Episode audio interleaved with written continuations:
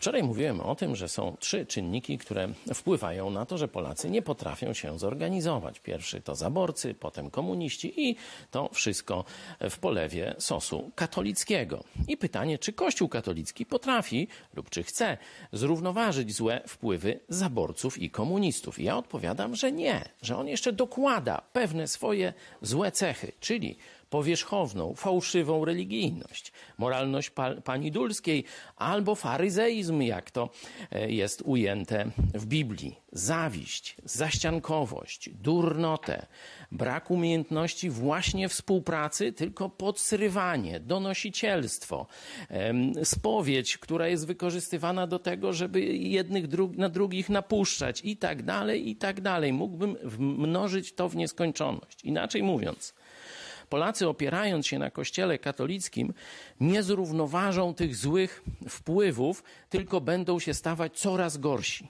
Dlatego, żeby zrównoważyć te złe wpływy z historii, żeby się podnieść jako naród, potrzebujemy nowego punktu odniesienia. I to sam Jezus i Jego Słowo, Biblia, jest tym punktem odniesienia. Nic więcej.